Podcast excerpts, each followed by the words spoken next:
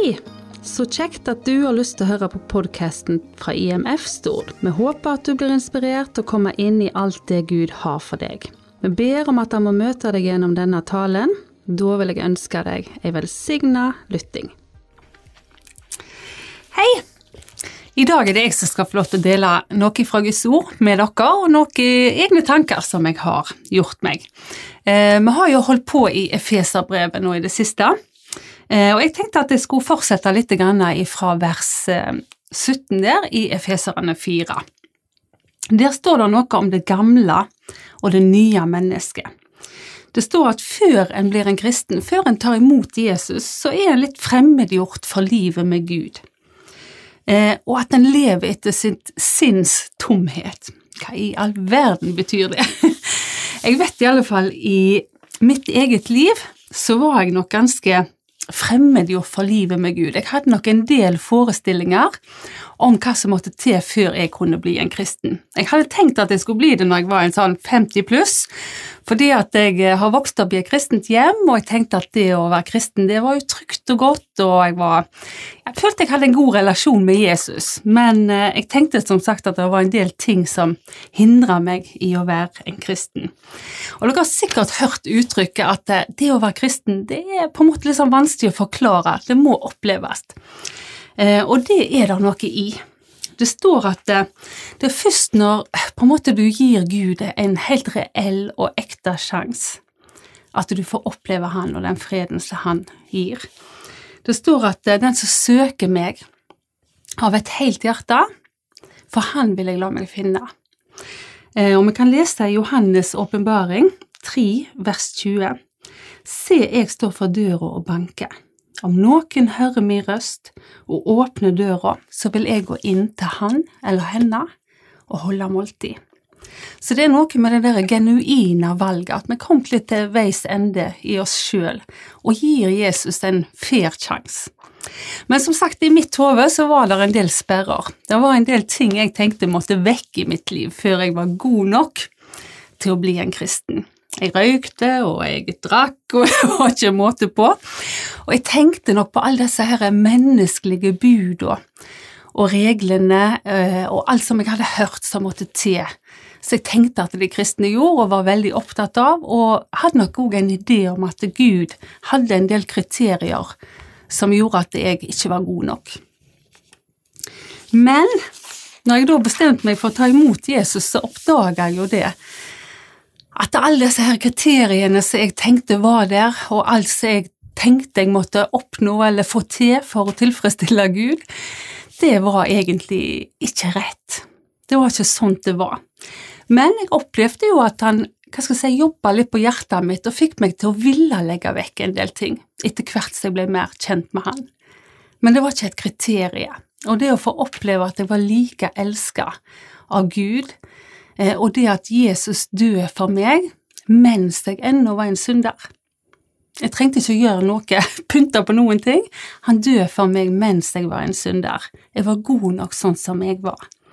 Eh, og det gjorde at jeg egentlig litt etter litt fikk lyst til å legge vekk en del ting, og Gud hjalp meg med det. Eh, og han ønsker jo at vi skal bli den beste utgaven av det mennesket han har skapt. Og da er det en del bud og regler i Guds ord, som jeg iallfall gikk ei tid før jeg skjønte at det var for mitt eget beste, og ikke for å please Gud. Blant annet for eksempel et bud som dere alle helt sikkert har hørt, dette med å holde hviledagen hellig. Det er jo ikke for at Gud skal bli fornøyd, men det er jo fordi at han ønsker at vi skal ha en dag i uka hvor vi logger helt ut.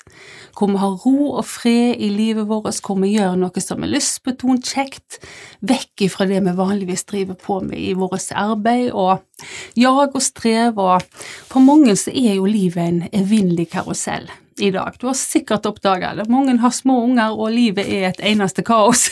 Det er bare til liksom heng på og spring. Eh, og kanskje nå når du har fått denne her ufrivillige pausen, så kan jeg gjerne kjenne på at det er litt godt å kjenne den roen. Kjenne at en får fred. Og Gud ønsker å ha tak i tankene våre. Han ønsker å komme til. Og mange ganger så er det nesten umulig når ikke vi blir stille. Og hva som er stille for deg, enten det er å gå deg en tur i naturen, holde på med maling, en eller annen hobby, aktivitet som du liker, lage mat, det kan være så uendelig mange ting, men jeg tror hviledagen, mente Gud, gjør noe som, som du får påfyll av, noe som gjør at du finner roen, og ikke minst noe som gjør at du kan koble på Gud, sette deg avsides og søke Han. Uansett hvor du er. Og for noen så er det i menigheten, det er jo en fantastisk mulighet, men det går òg an å gjøre på fjellet. Gud er ikke avhengig av rom og plass og sted, sånn som vi mange ganger tenker at han er. Litt eh, videre i Efeserane så står det et ord her at du skal ikke la solen gå ned over din vrede. Og jeg husker mamma sa alltid til oss når vi var små, at vi må ikke legge oss når vi er sinte på hverandre. vi må alltid gjøre opp, og det er noe i det der. Vi vet ikke hva morgendagen bringer, og klart at vi skal ikke gå og være redde for at eh, vi gjerne ikke våkner neste dag, men, men det der å, å, prøve å ha fred med alle, prøve å ha livet sitt oppgjort med de rundt seg, det å velge å ha en tilgivende holdning, så vil det være sånn at så lenge vi bor i denne verden med ufullkomne mennesker rundt oss, og mennesker som sår sårer oss, gjerne sier ting som gjør at vi blir lei oss. Vi kan oppleve ulike ting. Eh, og vi sjøl òg kan være der at vi volder andre skade, eller noen blir såra av ting vi har sagt eller gjort. Eh, så vi kan på en måte ikke beskytte oss mot det i den verden vi lever i i dag. I en eller annen form, så lenge du lever her, så vil du på et eller annet tidspunkt oppleve dumme ting, vonde ting, urett som blir gjort imot deg. Men det der å velge å ha en tilgivende holdning, det må jeg si er noe av de tingene Gud har lært meg som har vært mest verdifullt i mitt liv. Det der å klare å legge ting bak, uten at noen kanskje har bedt deg om tilgivelse. Det der å, å ja, velge å legge vekk det som på en måte var vondt, det er en fantastisk velsignelse å ha i livet sitt. Jeg kan mange ganger sitte langt inne, det der å være den som ber om unnskyldning. Stoltheten den står mange ganger i veien for oss mennesker, og vi, vi liker ikke å være den som erkjenner feil.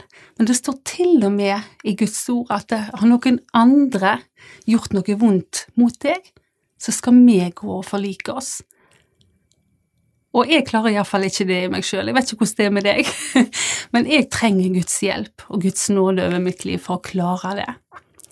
Eh, og jeg har fått erfart mange ganger i livet mitt at han har hjulpet meg å tilgi ting som jeg aldri hadde trodd at jeg klarte å tilgi.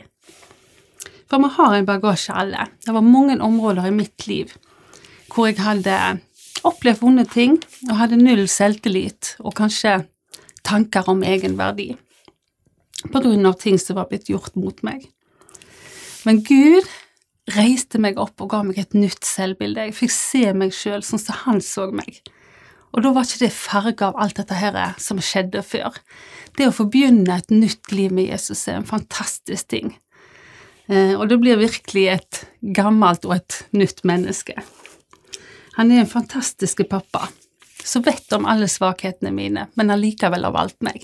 Og han vet om alle dine, men han har likevel valgt deg. Han kaller på ditt liv, og han søker deg hver eneste dag. Han trenger ikke at vårt liv er perfekte. Vi kan komme til han akkurat sånn som vi er. Jeg må iallfall si det var lettere når jeg oppdaga at Gud var ikke en streng dommer, for jeg hadde et veldig sånn bilde av Gud. At han var en sånn streng skikkelse som satt oppi der og liksom var ute til å ta meg. Men det var aldeles ikke den personen jeg ble kjent med. Gud er nådig og barmhjertig og rik på miskunnhet, og han etterjager oss med sin kjærlighet. Det står faktisk i, eh, i Jesaja at det med evig kjærlighet har jeg elska deg, derfor har jeg latt min miskunn være ved mot deg. Og så sendte han Jesus for å dø for oss, mens vi balte på med alt dette som vi baler på med. Så vi trenger ikke å gjøre oss fortjent til Guds nåde og Guds frelse.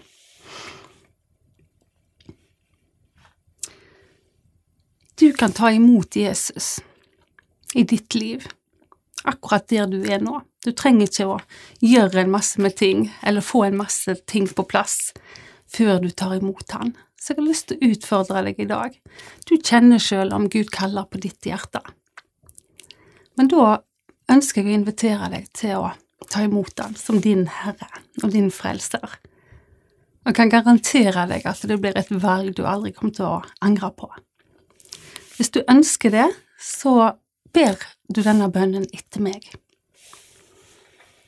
Kjære Jesus, nå kommer jeg til deg, sånn som jeg er. Du kjenner meg, og du vet hvem jeg er. Du vet om mine styrker, og du vet om mine svakheter. Jeg ønsker å invitere deg inn i mitt hjerte. Hjelp meg å bli kjent med deg, så den gode pappen du er. Fyll meg med din gode, hellige ånd, og bevar meg som ditt barn resten av mitt liv. Amen. Hvis du ba den bønnen, så ønsker vi å komme i kontakt med deg. Vi har noe som vi ønsker å gi deg ifra menigheten som vi er ifra. Eh, så da ber vi om at du eh, tar kontakt med oss enten på Messenger, eller du kan slå på tråden til meg.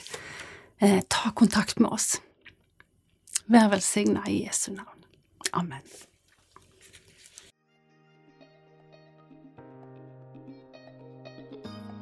Da håper jeg du ble møtt av Gud gjennom denne talen. Husk han har kun det beste for deg. Vi vil òg benytte muligheten og ønske deg hjertelig velkommen til våre samlinger på Lærvik bedehus. Og mangler du et kristen fellesskap, er du velkommen til IMF Stord. Besøk oss gjerne på vår Facebook-side eller på vår hjemmeside imfstord.no for mer info. Ha en velsigna dag, da, og takk for at du lytta.